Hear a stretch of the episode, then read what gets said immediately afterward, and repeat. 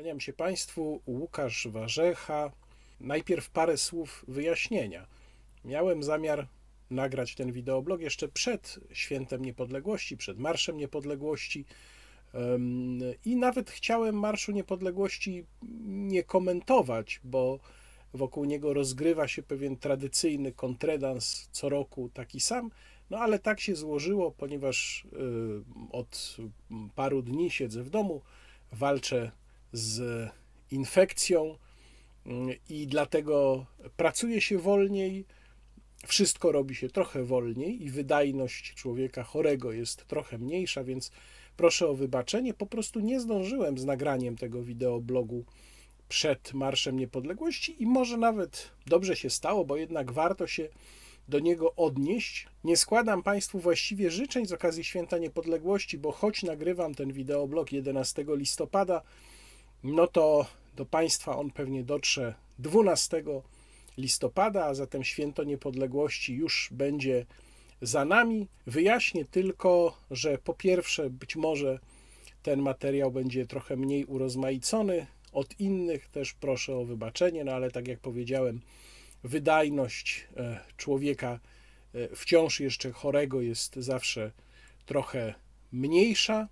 E, I druga kwestia, wreszcie znajdzie się w tym wideoblogu miejsce na przygotowany już dawno materiał dotyczący wystąpienia papieża Franciszka, zdalnego wystąpienia na kongresie ruchów ludowych. To będzie w ostatniej części wideoblogu, dlatego proszę się nie zdziwić, że ja tam będę e, no, inaczej trochę ubrany i kadr być może będzie minimalnie mniejszy, bo nagrałem to już e, bodajże dwa tygodnie temu i to po prostu czekało na swoją kolej. Teraz dołożę to do e, materiałów, które mm, nagram dzisiaj i jeszcze nauczony nie swoim doświadczeniem, ale nigdy nie wiadomo, sprawdzam czy nie ma na oparciu spodni? Do eskalacji, która doprowadzi do tego, że będą przynajmniej ofiary śmiertelne po, po, którejś, po którejś stronie. Rzecz w tym, że tych ofiar czy tak, czy tak musi być, skoro, skoro mamy tego rodzaju działania. Ale nie ma, czyli możemy zaczynać. Szczerze mówiąc, nie chce mi się już uczestniczyć w corocznych e, kontredansach wokół Marszu Niepodległości, ponieważ tu role są od dawna porozdawane i nikt nikogo nie przekona. To znaczy, zawsze ta druga strona będzie wyszukiwała w tym ogromnym tłumie, który tworzy Marsz Niepodległości, będzie wyszukiwała mm, jakieś zachowania, które zawsze się znajdą, które to zachowania będą jej zdaniem znamionowały, że tam idą w tym marszu faszyści, a e, z kolei mm, ja mogę tłumaczyć tysiące razy, ja i inni, że ten marsz tworzą przede wszystkim ludzie, którzy chcą po prostu świętować polską niepodległość, natomiast, że tam zdarzają się incydenty, że nie chcielibyśmy tam być może widzieć przedstawicieli niektórych organizacji, no to jest prawda, ale w tak ogromnej imprezie właściwie jest normalne, że zawsze znajdą się jakieś takie osoby pojedyncze, zawsze zdarzą się jakieś incydenty, a także będą w niej uczestniczyć, bo przecież nie jest to impreza zamknięta dla nikogo.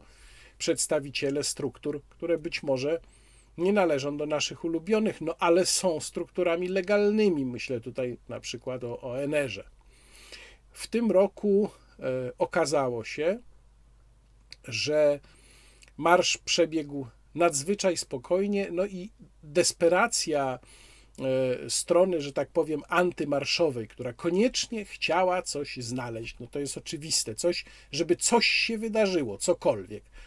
No ale niestety niewiele się wydarzyło, więc znaleziono kilka tylko e, rzeczy. Mm, po pierwsze, ktoś trzymając flagę sikał gdzieś w przejściu podziemnym na mur, na ścianę taki przejaw faszyzmu. Po drugie, no były oczywiście race, wiadomo. No i chyba najpoważniejszy incydent, czyli spalenie e, flag e, Niemiec, Izraela e, i przede wszystkim spalenie zdjęcia Donalda. Więc ja powiem tak, ja bym flagi żadnego państwa nie palił, Mm, na pewno nie paliłbym flagi Niemiec ani flagi Izraela. Bym nie palił również zdjęcia żadnego polityka, ale też jestem dosyć daleki od oburzania się na takie gesty, bo tak jak powiedziałem, że w tłumie ponad 100 tysięcznym ktoś wyskakuje z takimi pomysłami, no niestety.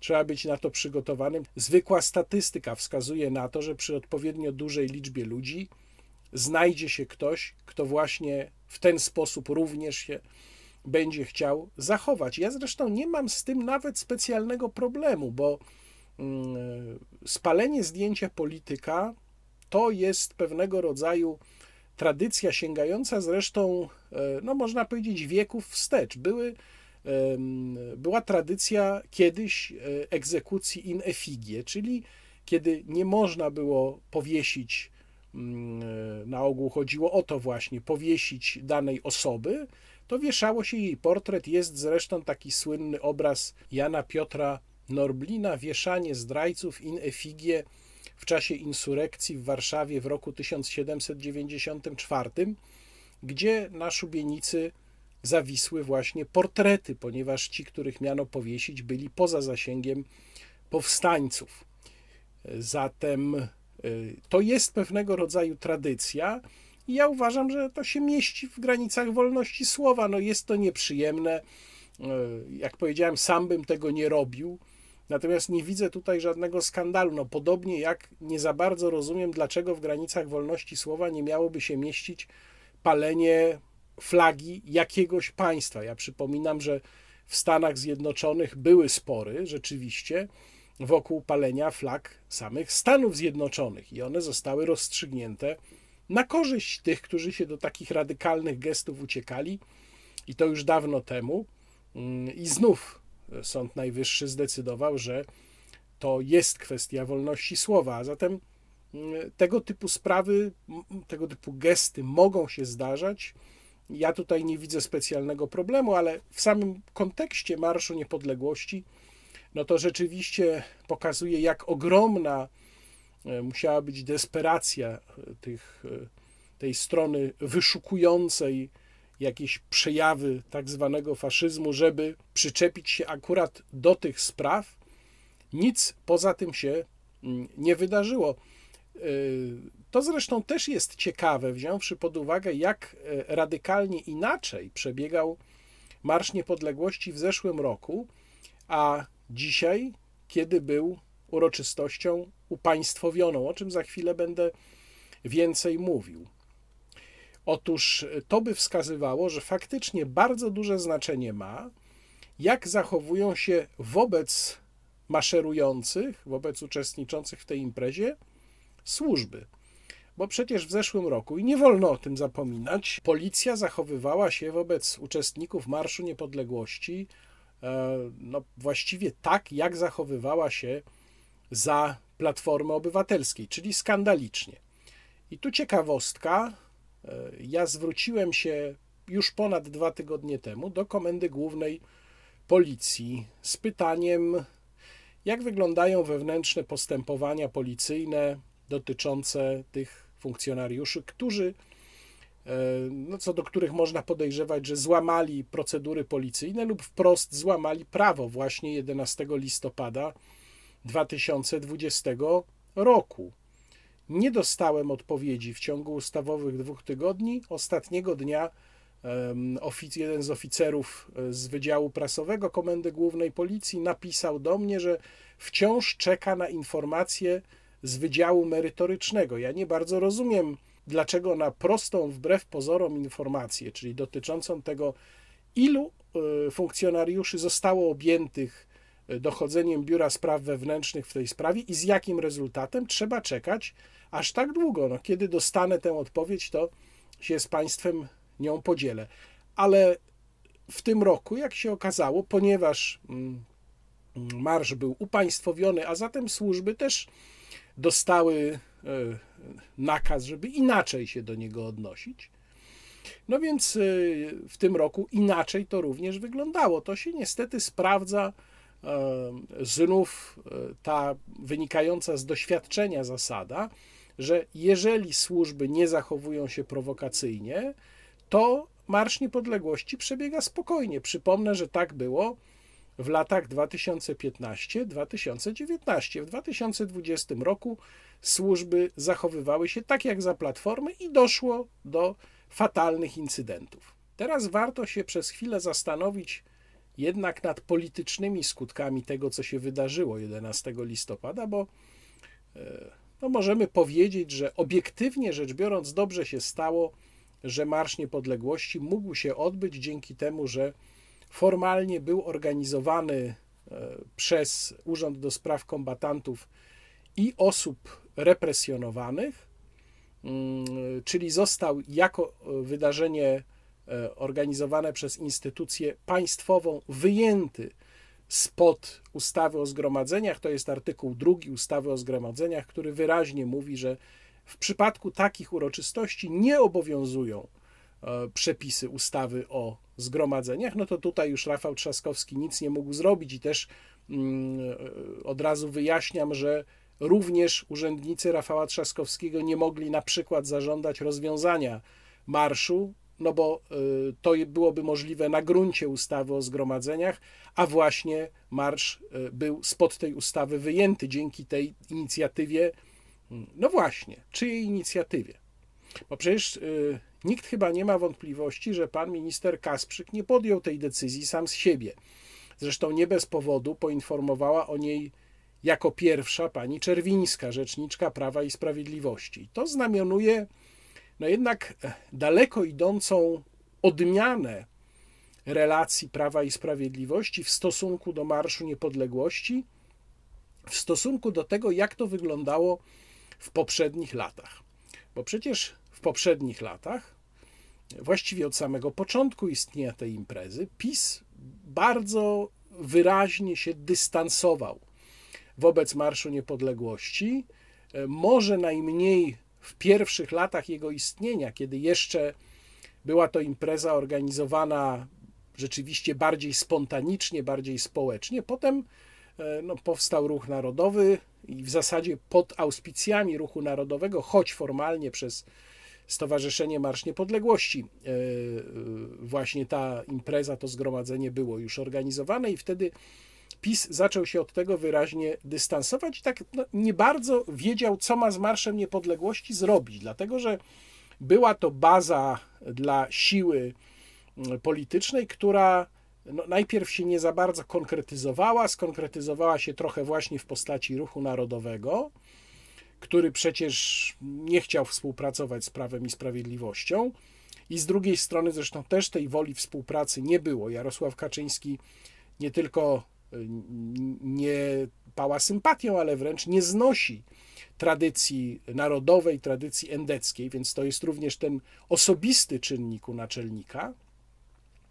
E, a potem powstała Konfederacja, w skład której wszedł Ruch Narodowy, no i Marsz Niepodległości był pewnego rodzaju bazą, e, no przynajmniej wizerunkową, bardzo mocną bazą również dla Konfederacji. PiS się starał przez lata wobec Marszu Niepodległości dystansować, traktował go jako swego rodzaju zło konieczne. Liderzy Prawa i Sprawiedliwości nie bez powodu nigdy nie uczestniczyli w Marszu Niepodległości. W 2018 roku był to jedyny wyjątek, który wynika, zresztą nie dotyczył Jarosława Kaczyńskiego, jeżeli dobrze pamiętam, który wtedy też się nie pojawił, ale wtedy były te no, formalnie niby dwa marsze. Był ten marsz prezydencki i Marsz Niepodległości. One były formalnie dwiema imprezami, tak naprawdę się szybko wymieszały, no ale powtórki z czegoś takiego nie było. I zresztą w tym roku, to też warto zauważyć, mimo że marsz został państwowiony, E, pojawili się tam posłowie Zjednoczonej Prawicy, ale nie pojawił się Jarosław Kaczyński, nie pojawił się premier Morawiecki, nie pojawił się pan prezydent. To był taktycznie oczywiście sprytny ruch, bo gdyby coś się stało, to ich obecność e, by niejako dodatkowo jeszcze wzmacniała ten e, przekaz o odpowiedzialności władzy za to, co się wydarzyło. Można by ich zresztą dokleić do tych obrazków, z którymi być może nie chcieliby być łączeni. Tym razem natomiast mamy do czynienia e, z próbą przejęcia jednak samej imprezy, e, przynajmniej na teraz. Nie wiem, jak to będzie wyglądało w kolejnym roku, ale wydaje się, że tym razem jest to pewnego rodzaju sukces. I tutaj chodzi również o to, żeby przekonywać elektorat, dla którego Marsz Niepodległości jest ważną imprezą i który kojarzył tę imprezę przede wszystkim właśnie z siłami takimi jak Ruch Narodowy, że PiS jednak popiera e, Marsz Niepodległości i przede wszystkim, że PiS się podłącza do tego nurtu politycznego i ideowego. To jest nawet ważniejsze niż przejęcie samej imprezy, ten kierunek.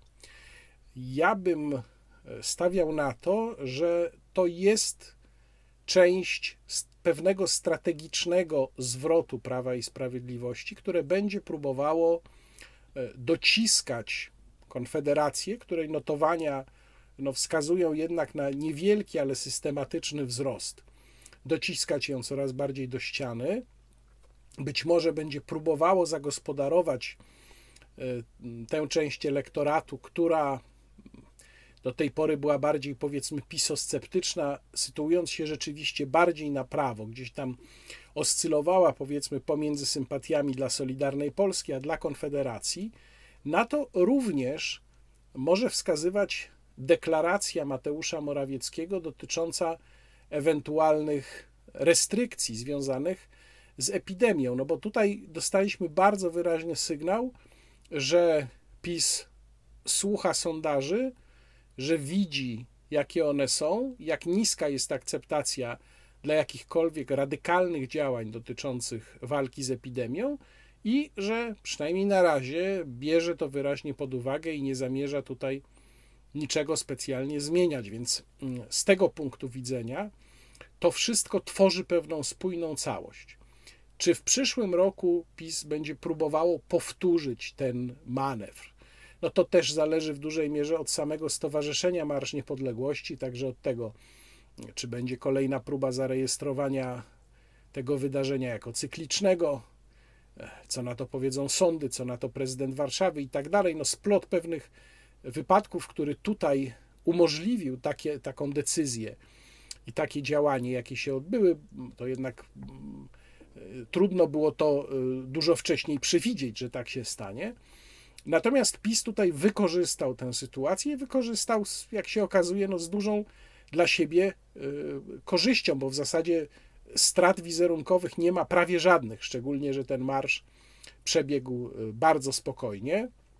Natomiast zyski y, wizerunkowe i zyski polityczne, moim zdaniem, są spore. Trzeba jednak, i to jest pewnego rodzaju ostrzeżenie, trzeba jednak pamiętać, że z faktu, że PiS się podpina pod pewne inicjatywy, pod pewną retorykę, pod pewną ideę, nie wynika, że rzeczywiście będzie działał zgodnie z nią.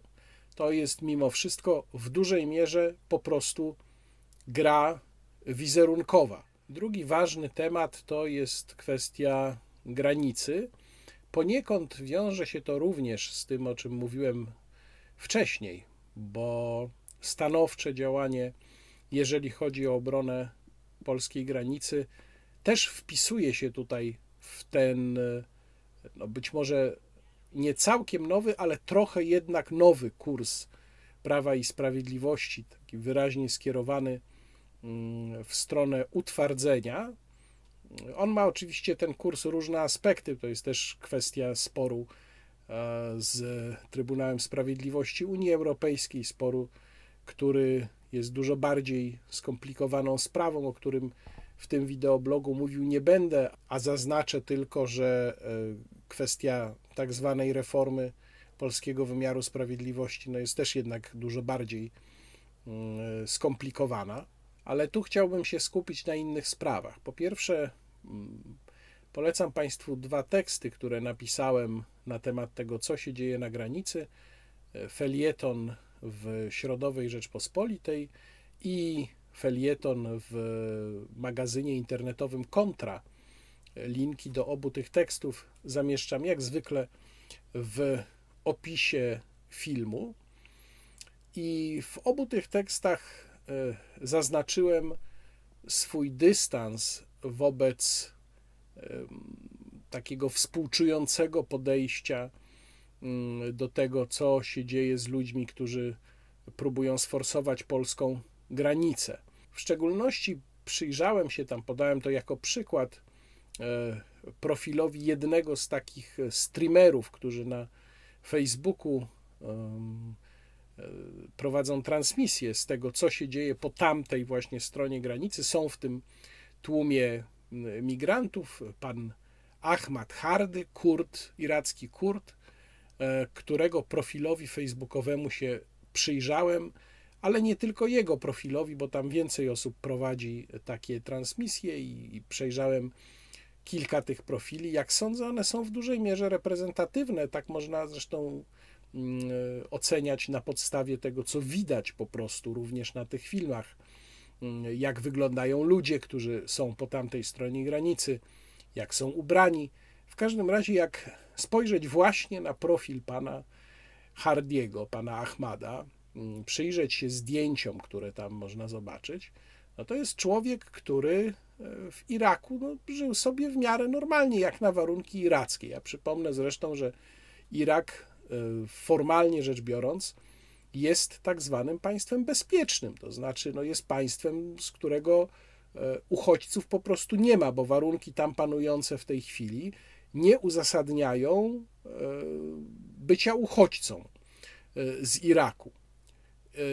Kurdowie iraccy, którzy przylatują na Białoruś i próbują sforsować polską granicę, nie robią tego dlatego, że tam panuje wojna, tylko robią to dlatego, że chcą mieć wygodniejsze życie na Zachodzie, Zresztą zdjęcia z profilu pana Ahmada z Mińska też są rozczulające, tam gdzie sobie e, ze swoją rodziną robi wycieczkę po mieście. No i potem już są zdjęcia z nadgranicy. Otóż ja uważam, że ludzie, którzy właściwie bez wyjątku mają dostęp do internetu, e, nie wyglądają na zabiedzonych, E, są dobrze ubrani ewidentnie, w tym sensie, że no nie są w jakichś łachmanach, są w solidnych zimowych ubraniach.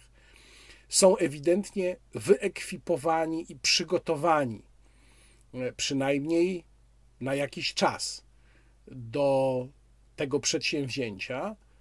Również mogli, mieli wszelkie możliwości, żeby sprawdzić, na co się piszą. E, to nie są ludzie niepełnosprawni umysłowo, którzy nie zdawali sobie sprawy z tego, że jeżeli podejmują takie e, przedsięwzięcie, to będą łamać prawo. No przecież oni musieli rozumieć to, że nie piszą się na legalną podróż do Niemiec.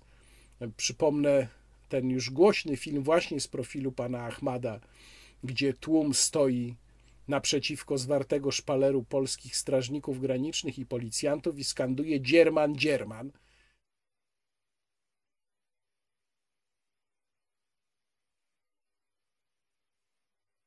Dzierman, sygnalizując, że oni chcą do Niemiec. No ale przecież oni to doskonale wiedzieli, że jeżeli z tego Iraku, czy tam skądkolwiek przylatują do Mińska, no to przecież to nie jest legalna droga. To znaczy, krótko mówiąc, oni podjęli, dorośli ludzie podjęli decyzję, że będą próbowali złamać prawo. Dlaczego my mamy czuć się w najmniejszym stopniu odpowiedzialni za tę ich decyzję? Dlaczego na nas ma spadać ciężar zajmowania się skutkami tej ich decyzji, decyzji dojrzałych, dorosłych ludzi. Ja na takie widzenie tej sprawy się nie godzę, dlatego nie zgadzam się z e, osobami takimi jak Tomasz Terlikowski, który uparcie forsuje właśnie takie widzenie mm, e, kwestii i epatuje nas cały czas opowieściami o naszych chrześcijańskich zobowiązaniach. No, przepraszam, e, zobowiązaniem moim jako obywatela i Polaka jest obrona mojego domu i mojego kraju. I to jest moje podstawowe zobowiązanie. A sytuacja na granicy jest taka, że zrobienie tam jakiegokolwiek wyłomu, nawet małego, y, i zmiana tej strategii, którą w tej chwili przyjęło polskie państwo, będzie dawała sygnał, że warto, że można, że skoro się da, skoro przyjmują, ratują i tak dalej, i wpuszczają jednak mimo wszystko, no to znaczy, że to jest ta luka. Dlatego tutaj nie można moim zdaniem odpuścić. Ale to jest jedna strona medalu, a mamy też drugą stronę medalu, niestety. Bo jednak e, niezależnie od tego, że polscy żołnierze, funkcjonariusze, którzy pilnują granicy, im rzeczywiście wypada podziękować, oni są godni szacunku. Nawiasem mówiąc, to jest też ciekawy problem, bo ja spotkałem się z takimi wpisami na Twitterze, gdzie e, niektórzy piszą, ale za co tu dziękować, przecież im się płaci. No to nie do końca tak jednak wygląda. Znaczy, no, są pewne zajęcia w moim przekonaniu, gdzie e, chodzi o coś więcej niż tylko o to, że ktoś za pieniądze wykonuje swoją pracę. Jeżeli tak jest postrzegana praca w niektórych zawodach, to to prowadzi do bardzo niebezpiecznych sytuacji. Moim zdaniem prowadzi to na przykład w przypadku żołnierzy do sytuacji takich jak słynny blamasz y, holenderskich błękitnych hełmów w Srebrenicy w 1995 roku, gdzie właśnie holenderscy żołnierze, którzy swoje, swoją misję widzieli dokładnie tylko tak, w kategoriach takich, że oni są zatrudnieni i tyle. I mm, uznali, że no skoro tak, a tutaj Serbowie y, grożą im już fizycznie, no to oni po prostu się wycofują, nie będą bronić tych muzułmanów, którzy się tam pod ich opieką w tej enklawie skupili. No, no więc to jednak tak nie wygląda. E, są pewne zajęcia, e, myślę, że to nie są tylko takie zajęcia jak żołnierz, czy e, strażnik graniczny, czy policjant, ale to są również, to jest oczywiście kwestia do dyskusji, ale to są również być może takie zajęcia jak lekarz na przykład, jak nauczyciel, są pewne zajęcia, w których chodzi o coś więcej niż tylko o to, że się bierze pieniądze za pracę. Ale to, tak jak mówię, jest odrębny, odrębna kwestia i być może na ten temat coś będę pisał. W każdym razie, e, to odkładamy na bok i teraz jest pytanie, co dalej? Jest pytanie o strategiczne spojrzenie na tę sytuację. I tego właśnie ja nie widzę. To znaczy, ja tak prawdę mówiąc, nie wiem, co poza perspektywą wielomiesięczną zbudowania muru na granicy polsko-białoruskiej, miejmy nadzieję, że technicznie rzeczywiście dopracowanego, co tak naprawdę polski rząd, polskie władze zamierzają. Mamy tych pytań dużo i właściwie na żadne w czasie debaty parlamentarnej rządzący nie odpowiedzieli. Co z przedłużaniem stanu wyjątkowego? co z pomocą dla ludzi, którzy się znaleźli w, sta- w strefie stanu wyjątkowego. Myślę tu przede wszystkim o przedsiębiorcach. Co z dziennikarzami? Ja jednak jestem zwolennikiem wpuszczenia do y, strefy stanu wyjątkowego dziennikarzy. Uważam, że przy wszystkich zastrzeżeniach do tego, jak mogłoby być pokazywane to, co tam się dzieje, ich brak jednak no, jest naruszeniem standardów. Opinia publiczna ma prawo mieć informacje właśnie od dziennikarzy, a przecież pamiętajmy, że dziennikarze są też z różnych mediów. No pewnie mielibyśmy y, wysyp historii, ale one i tak są, typu tam y, Judith Skonga przerzucana, w ciąży przerzucana przez Polską Straż Graniczną przez ogrodzenie, no to, to kabaret, ale to okopres, wiadomo. No więc pewnie takich Judith Skonga by było dużo więcej, ale mielibyśmy też media y, z drugiej strony, które prawdopodobnie zupełnie inaczej by pokazywały tę sytuację.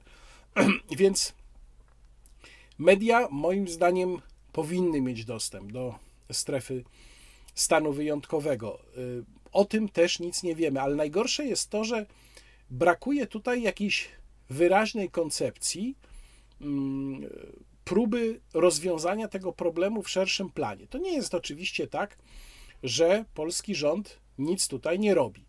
Nie jest prawdą, że nie został w żaden sposób wciągnięty Frontex. owszem, Frontex nie został wciągnięty w sensie wysłania funkcjonariuszy. Ja nie jestem przekonany, czy miałoby to jakiekolwiek faktyczne znaczenie. Moim zdaniem żadnego by nie miało. E, tych funkcjonariuszy pewnie by nam przysłano no, w najlepszym wypadku kilkuset, to jest kropla w morzu, a rodzi problemy z dowodzeniem na miejscu, no bo to jest koordynacja z ludźmi z innych krajów, nawet kwestie językowe tutaj są problemem, więc walor by był tylko taki, że to by było takie widoczne umiędzynarodowienie e, tej sytuacji. Nie wiem, czy to rzeczywiście jest e, skóra warta wyprawki, szczególnie, że Frontex jest informowany na bieżąco o tym, co się dzieje i tu nie ma sporu pomiędzy Frontexem a Polską. Tym argumentem z Frontexu głównie posługuje się opozycja. Mieliśmy dopiero co wizytę przewodniczącego Rady Europejskiej. Wciągnięty do współpracy już realnie, konkretnie został Europol, który przysyła nam tutaj swoich funkcjonariuszy wyspecjalizowanych w kwestii walki z przemytem ludzi, czyli jest ta y, polska prośba o pomoc i konkretna pomoc ze strony Europolu. Więc to nie jest tak, że to się wszystko odbywa wyłącznie naszymi siłami i w całkowitym oderwaniu. Ale są pytania, co na poziomie strategicznym. Mieliśmy deklarację pana premiera, ale na deklaracji się skończyło, dotyczącą e, udziału Turcji w tym procederze przemycania ludzi. No dobrze, no ale co w takim razie? Co my zamierzamy z tym zrobić? Czy zamierzamy podtrzymać nasz plan zakupu w Turcji e, dronów dla polskiego wojska? Jak ma wyglądać kwestia zwiększenia presji gospodarczej na Białoruś? dlaczego Polska do tej pory po prostu nie zamknęła przejść granicznych z Białorusią. No przecież kwestia białoruskiego e, transportu, handlu z Unią Europejską, również z Polską, ale przede wszystkim z Unią Europejską, jest bardzo istotna dla reżimu. To są wszystko pytania, na które rząd nie odpowiada. Dlaczego nie zdecydowano się, dlaczego pan prezydent nie zdecydował się zwołać Rady Bezpieczeństwa Narodowego? Można powiedzieć, że Rada Bezpieczeństwa Narodowego jest właściwie tylko pewną formalnością i pewnym teatrem. No trochę tak, trochę nie. To jest jednak element budowania. Przypominam, że Rada Bezpieczeństwa Narodowego poza e, ministrami odpowiedzialnymi za różne resorty właśnie związane z bezpieczeństwem, to też są przedstawiciele e, e, tych ugrupowań, które są reprezentowane w parlamencie. W tym sensie RBN jest instrumentem budowania, czasem odbudowywania zaufania pomiędzy władzą a opozycją. Z tym zaufaniem my mamy przede wszystkim problem. To jest w ogóle ogromny problem polskiego życia politycznego i publicznego, właśnie brak zaufania, bo przecież mamy tutaj pewien paradoks, który nawet jeżeli bardzo dobrze byśmy oceniali to, co PiS robi, na granicy ja oceniam trochę bardziej jednak ambiwalentnie. To i tak musimy przyznać, że pewien paradoks tu istnieje, a mianowicie z jednej strony rzeczywiście mm, taktyka, nie strategia, taktyka, którą rząd przyjął na granicy, wydaje się dobra. To znaczy, no po prostu trzeba trzymać gardę. W tym krótkim okresie jest to wszystko, co można zrobić. Ale przecież jednocześnie, to jest właśnie ten paradoks, no doskonale rozumiemy, że ta sytuacja to jest dla PiSu złoto. No i teraz jest kwestia zaufania, prawda? I właśnie o to zaufanie się wszystko rozbija. Czy my, my w sensie obywatele, ale też opozycja, może mieć zaufanie do rządzących, że nie będą się starali w żaden sposób sztucznie tej sytuacji przeciągać, nie mówię już o jej eskalowaniu, bo chyba tego nie musimy robić, bo to nie, my ją eskalujemy, oczywiście tylko Łukaszenka, ale y, czy nie będzie jakiejś próby przeciągania albo politycznego zarabiania na tej sytuacji, bardziej niż by to wynikało z jej naturalnego rozwoju, bo że ta władza zarabia na tej sytuacji tak, jak ona się rozwija naturalnie, no to jest oczywiste i każda władza by zarabiała ale czy jest to zaufanie, że nie będzie próbowała jeszcze tego podkręcić? No i właśnie tego zaufania brakuje. A z drugiej strony władza ma duże powody, żeby większości opozycji Nie wszystkim siłom opozycyjnym, bo na przykład uważam, że nie, na pewno nie Konfederacji, również nie Koalicji Polskiej czy PSL-owi. Te ugrupowania się wykazują tutaj akurat dosyć właściwie dużą odpowiedzialnością, takim, taką bardzo propaństwową postawą, ale w przypadku Platformy Obywatelskiej, czy władza ma prawo mieć zaufanie, że y, nie nastąpi jakaś próba wykorzystania gestu dobrej woli y, w stronę opozycji? No też nie. No i właśnie tutaj wszystko rozbija się o brak zaufania i widzimy, jak bardzo w takich ekstremalnych sytuacjach, no, autentycznego zagrożenia dla bezpieczeństwa państwa, bo chyba nikt nie ma wątpliwości, że to jest zagrożenie dla bezpieczeństwa państwa. Może pani Ochojska ma wątpliwości, która uważa, że nic się złego nie dzieje. A więc widzimy, jak w takich sytuacjach brak zaufania potrafi być druzgocący i jak bardzo potrafi utrudniać przyjęcie ponadpartyjnych założeń dla obrony bezpieczeństwa państwa. To jest absolutnie fatalna sprawa, a brak zaufania w ogóle jest jednym z największych problemów życia publicznego w Polsce, co zresztą pokazują bardzo liczne badania.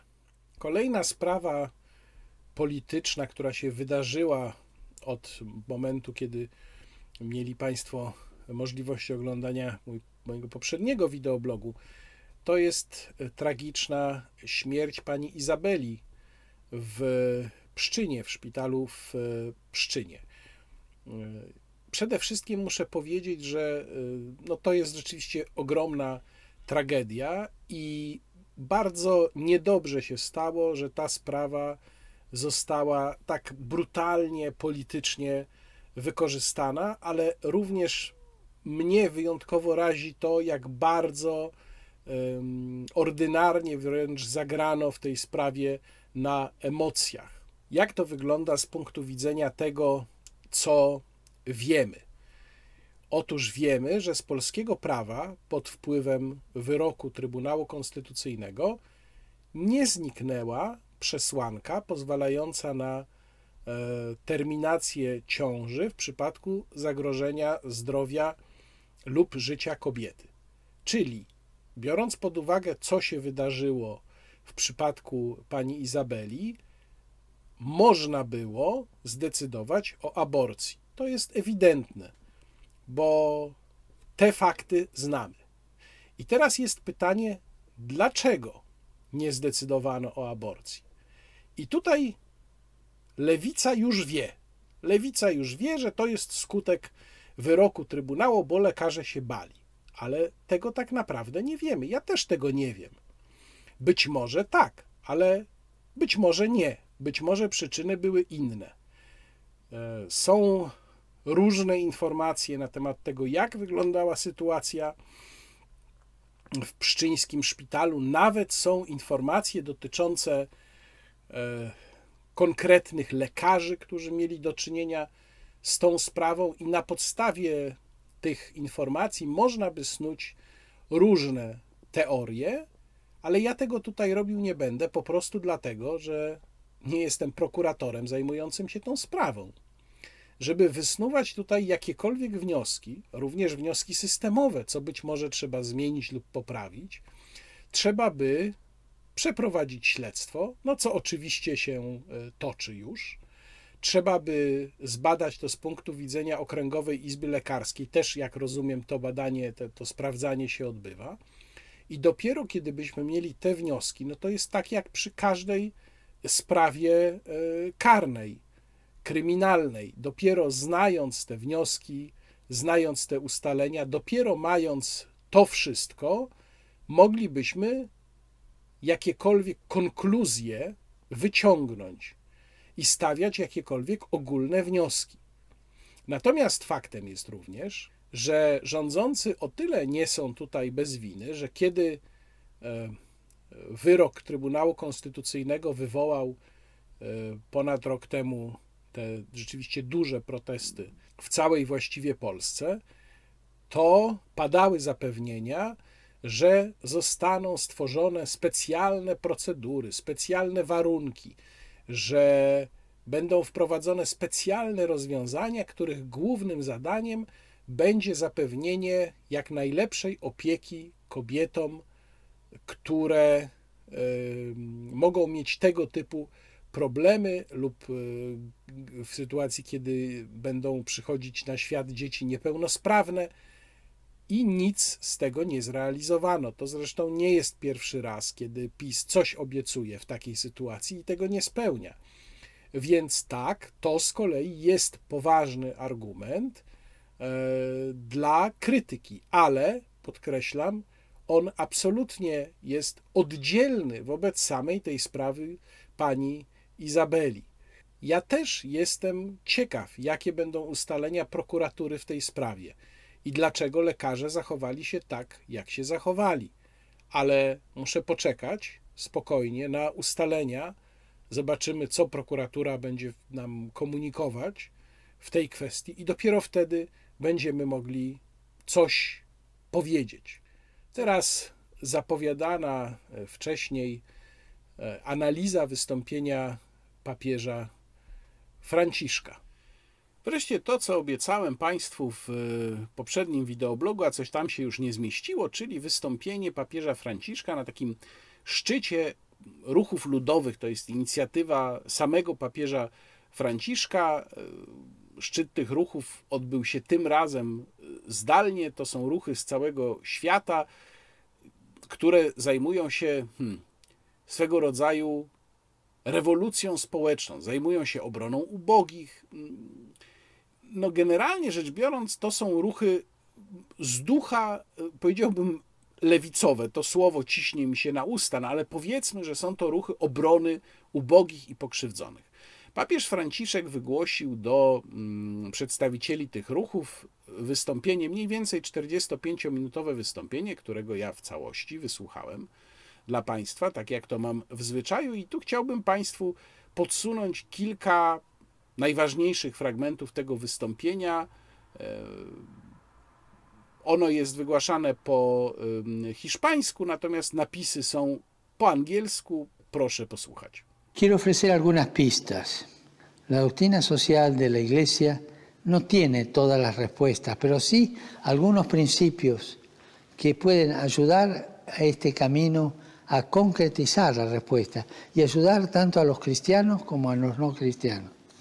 A veces me sorprende que cada vez que hablo de estos principios, algunos se admiran y entonces el Papa viene catalogado con una serie de epítetos que se utilizan para reducir cualquier reflexión a la mera adjetivación degradatoria.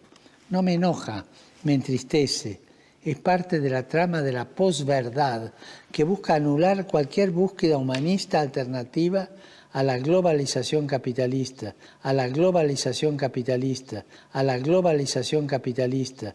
Es parte de la cultura del descarte y es parte del paradigma tecnocrático. Y en este contexto quisiera rescatar brevemente algunos principios con los que contamos para llevar adelante nuestra misión. Mencionaré dos o tres nomás. Uno es el principio de solidaridad. Otro principio es estimular y promover la participación y la subsidiariedad entre movimientos y entre los pueblos, capaz de limitar cualquier esquema autoritario, cualquier colectivismo forzado o cualquier esquema estadocéntrico. El bien común no puede utilizarse como excusa para aplastar la iniciativa privada la identidad local o los proyectos comunitarios. A estas que todavía exigen seguir trabajando juntos para concretarlas, me gustaría sumarle dos más, el salario universal y la reducción de la jornada de trabajo. Un ingreso básico, el IBU, o salario universal, para que cada persona en este mundo pueda acceder a los más elementales bienes de la vida. Es justo luchar por una distribución humana de estos recursos. Y es tarea de los gobiernos establecer esquemas fiscales y redistributivos para que la riqueza de una parte sea compartida con la equidad, sin que esto suponga un peso insoportable, principalmente para la clase media. Generalmente cuando hay estos conflictos es la que más sufre. La reducción de la jornada laboral es otra posibilidad. El ingreso básico, Hugo, es una posibilidad. La otra es la reducción de la jornada laboral. Entonces, insisto, trabajar menos para que más gente tenga acceso al mercado laboral, que es un aspecto que necesitamos explorar con cierta urgencia. No puede haber tantas personas agobiadas por el exceso de trabajo y tantas otras agobiadas por la falta de trabajo. Tutaj jest kilka ciekawych rzeczy. Po pierwsze, papież stwierdza, że musimy mówić o alternatywie dla globalnego kapitalizmu. No to mnie specjalnie nie zaskakuje, znając poglądy społeczne i gospodarcze papieża Franciszka, ale jednak zawsze, kiedy to słyszę, e, kiedy słyszę, z jaką niechęcią Ojciec Święty się odnosi do wolnego rynku, no to, to, to jednak zawsze e, jakiś, jakiś odruch zdziwienia pewnego, e, taki bardzo nieprzyjemny się u mnie pojawia. Owszem, w tym fragmencie słyszymy również, że dobro wspólne nie może być pretekstem do niszczenia prywatnej inicjatywy. I dobrze, że papież to zastrzega. Ale jednocześnie ogłasza tutaj dwa kompletnie księżycowe pomysły ekonomiczne, które już naprawdę powodują, że włosy powstają na głowie.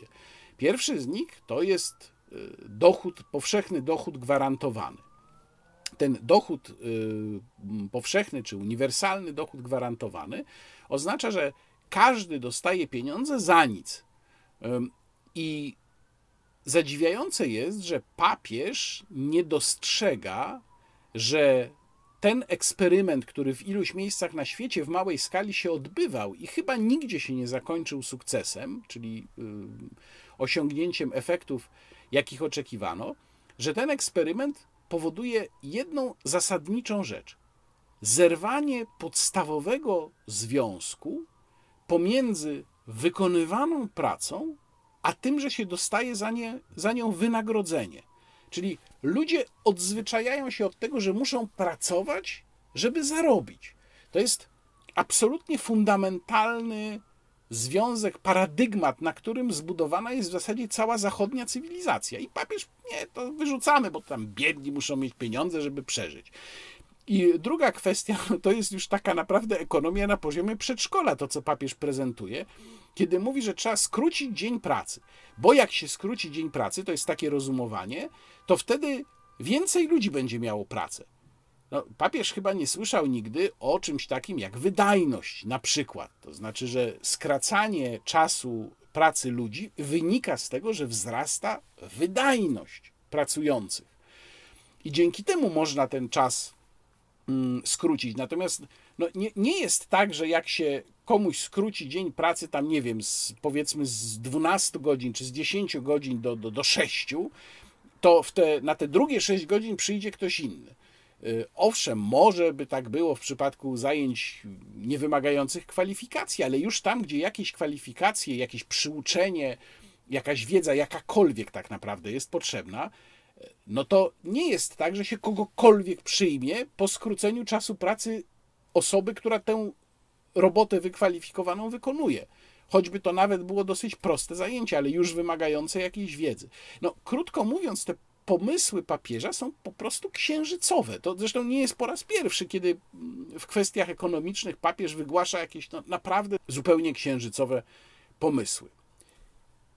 W kluczowym y, wątku swojego wystąpienia ojciec święty przedstawił takie dziewięć punktów, które rozpoczynał wyzwaniem w imię Boże wzywam i tutaj zwracał się do różnych sektorów życia społecznego i gospodarki z kolejnymi apelami. Jest wśród nich, no coś by się znalazło sensownego, ale niektóre wywołują duże zdziwienie. Proszę zobaczyć i posłuchać. Y a todos quiero pedirles en nombre de Dios, a los grandes laboratorios que liberen las patentes, tengan un gesto de humanidad y permitan que cada país, cada pueblo, cada ser humano tenga acceso a las vacunas. Hay países donde solo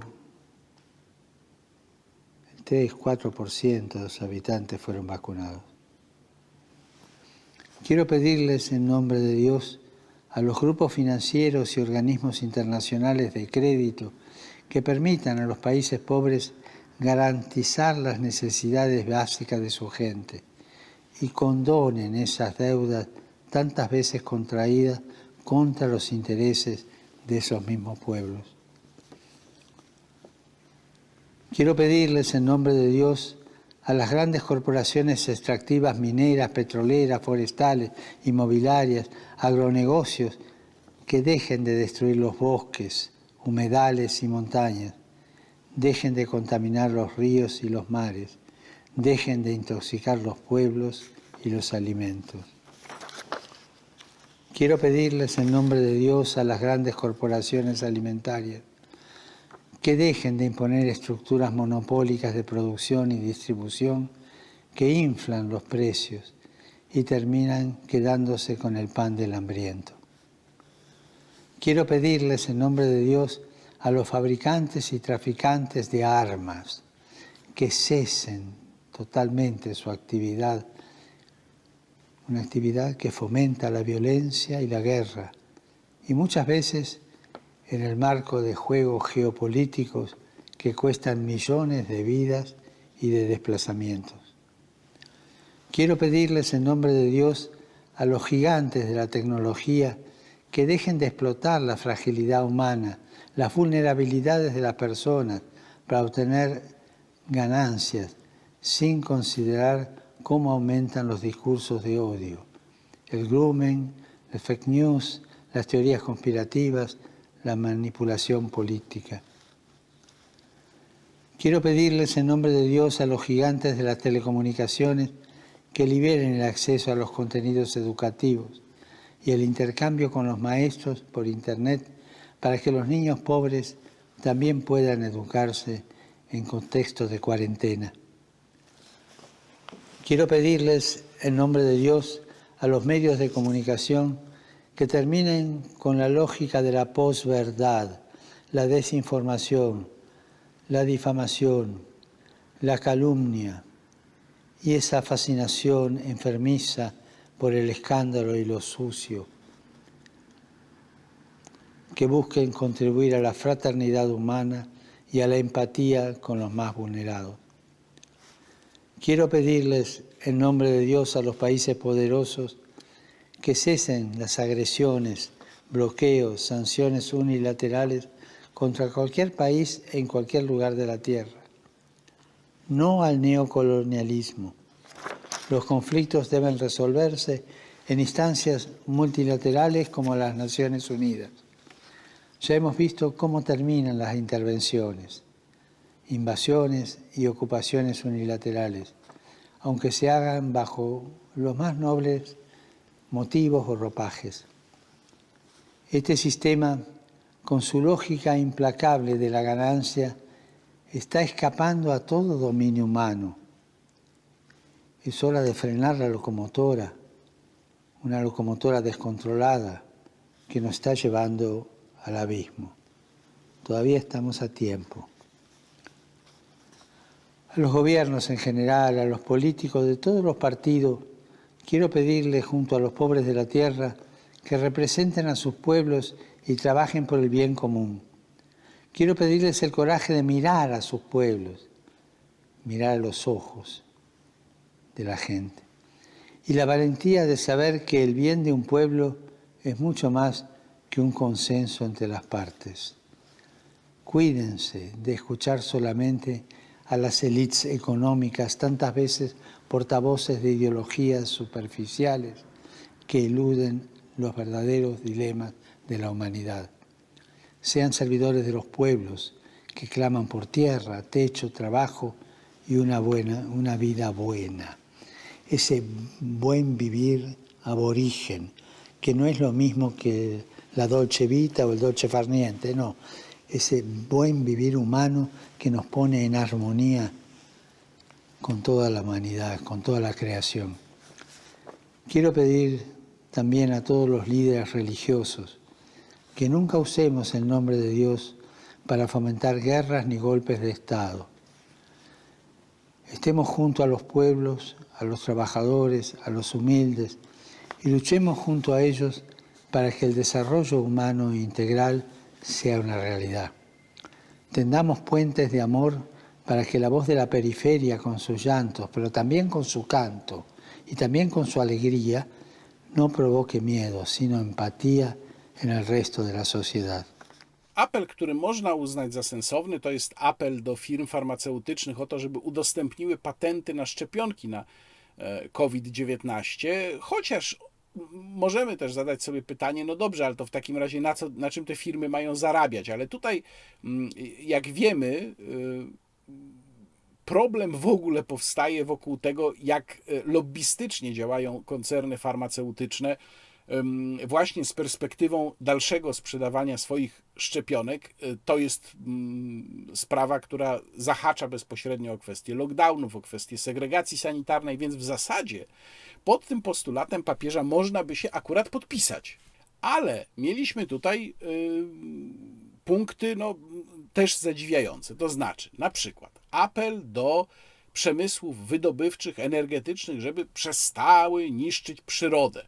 No to w zasadzie trzeba by zamknąć od razu wszystkie kopalnie, zamknąć wszystkie mm, platformy wiertnicze i nie wiem, przejść na łuczywa. No, no, nie bardzo sobie to wyobrażam. Dalej mamy, i to jest jeszcze lepsze, apel do wszystkich producentów i handlarzy bronią, żeby natychmiast przerwali swoją działalność. Czyli w tym momencie wszystkie armie zostają bez uzbrojenia, bez amunicji, my strzelcy zostajemy bez amunicji, bo papież apeluje, żeby wszyscy zakończyli działalność, no bo ich działalność sprzyja wojnom i e, konfliktom. E, mamy wreszcie apel do gigantów technologicznych, także do mediów, żeby przestały szerzyć fake newsy, fałszywki, dezinformacje. No pytanie, co papież rozumie pod tymi pojęciami, bo ich w żaden sposób nie definiuje. trochę niestety to brzmi e, współgra z apelami ideowej lewicy, które mają na celu nie tyle zapobieżenie rozprzestrzenianiu się fałszywych informacji, co raczej narzucenie e, swoich wyłącznych standardów światopoglądowych właśnie pod pretekstem zapobiegania dezinformowaniu czy rozsiewaniu e, fake newsów.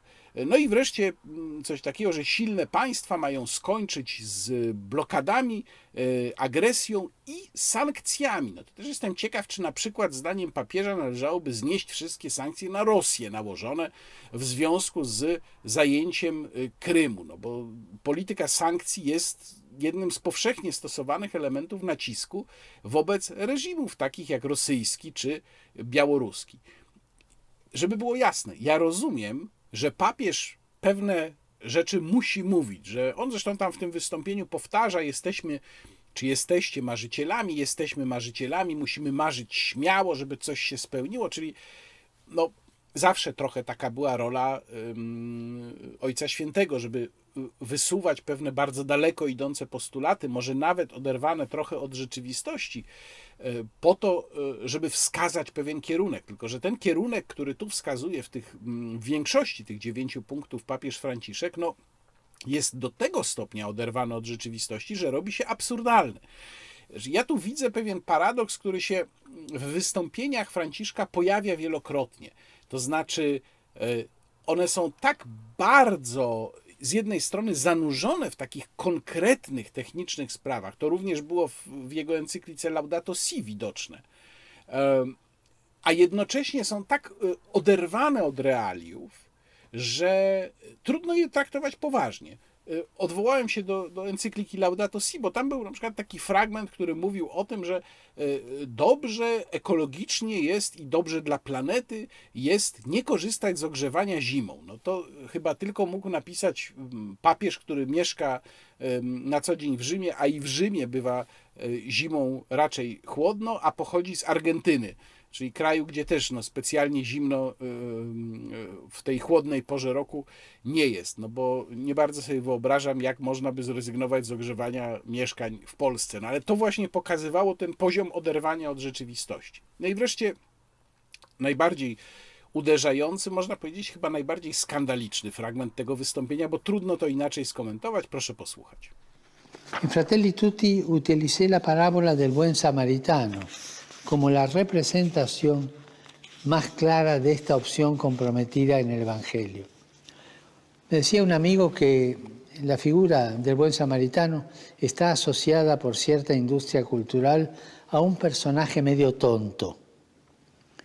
Es la distorsión que provoca el hedonismo depresivo con el que se pretende neutralizar la fuerza transformadora de los pueblos y en especial de la juventud. ¿Saben lo que me viene a la mente a mí ahora junto a los movimientos populares cuando pienso en el buen samaritano? ¿Saben lo que me viene a la mente? Las protestas por la muerte de George Floyd.